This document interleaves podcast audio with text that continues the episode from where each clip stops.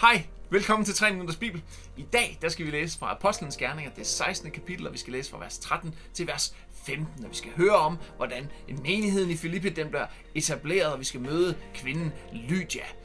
Husk, hvis du kan lide den her video, så må du rigtig gerne dele den. Du må også gerne give den et like, og du må selvfølgelig også rigtig gerne skrive spørgsmål eller kommentarer til den.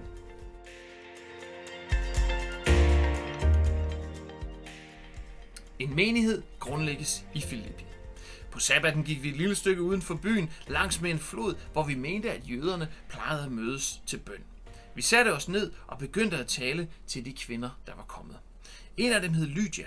Hun var fra Thyatira og handlede med kostbare purpurklæder. Hun havde antaget den jødiske tro, og mens hun lyttede til Paulus, åbnede Herren hendes hjerte, så hun tog ordene til sig. Sammen med hele sin husstand blev hun døbt, hvorefter hun indbød os som sine gæster. Hvis I virkelig tror på, at jeg nu hører Herren til, sagde hun, så må I også komme og bo i mit hus i nogle dage. På den måde overtalte hun os.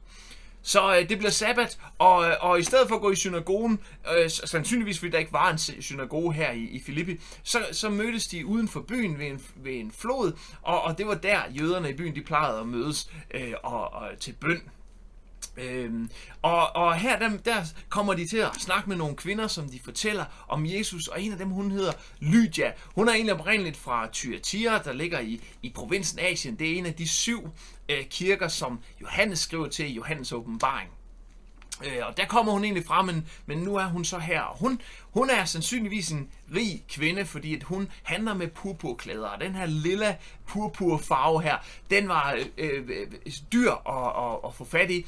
Øh, så, så hun har sandsynligvis været meget velhavende. Og hun, hun var altså øh, tidligere kommet til tro på, på, på jødedommen, på, på Gud, og, øh, og nu øh, igennem det her, øh, som, som den, den her forkyndelse, som Paulus og hans medhjælpere de kom med, så åbnede Herren, hendes hjerte stod der, og hun tog altså imod Jesus, og hele, hende og hele hendes husstand, de bliver døbt her.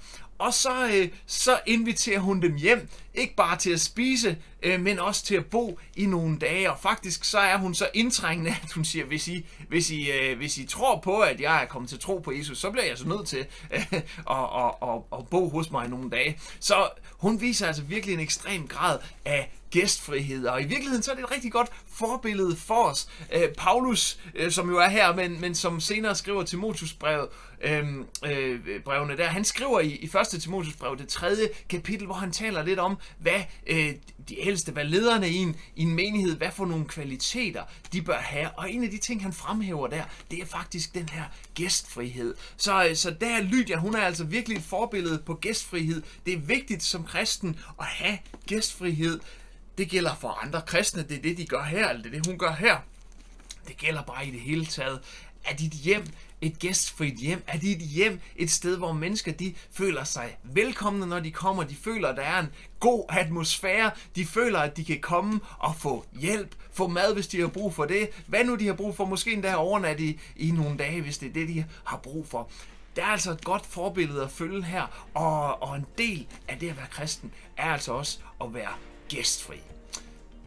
Det håber jeg, du kan bruge til noget. Jeg håber også, du har lyst til at dele det her med andre.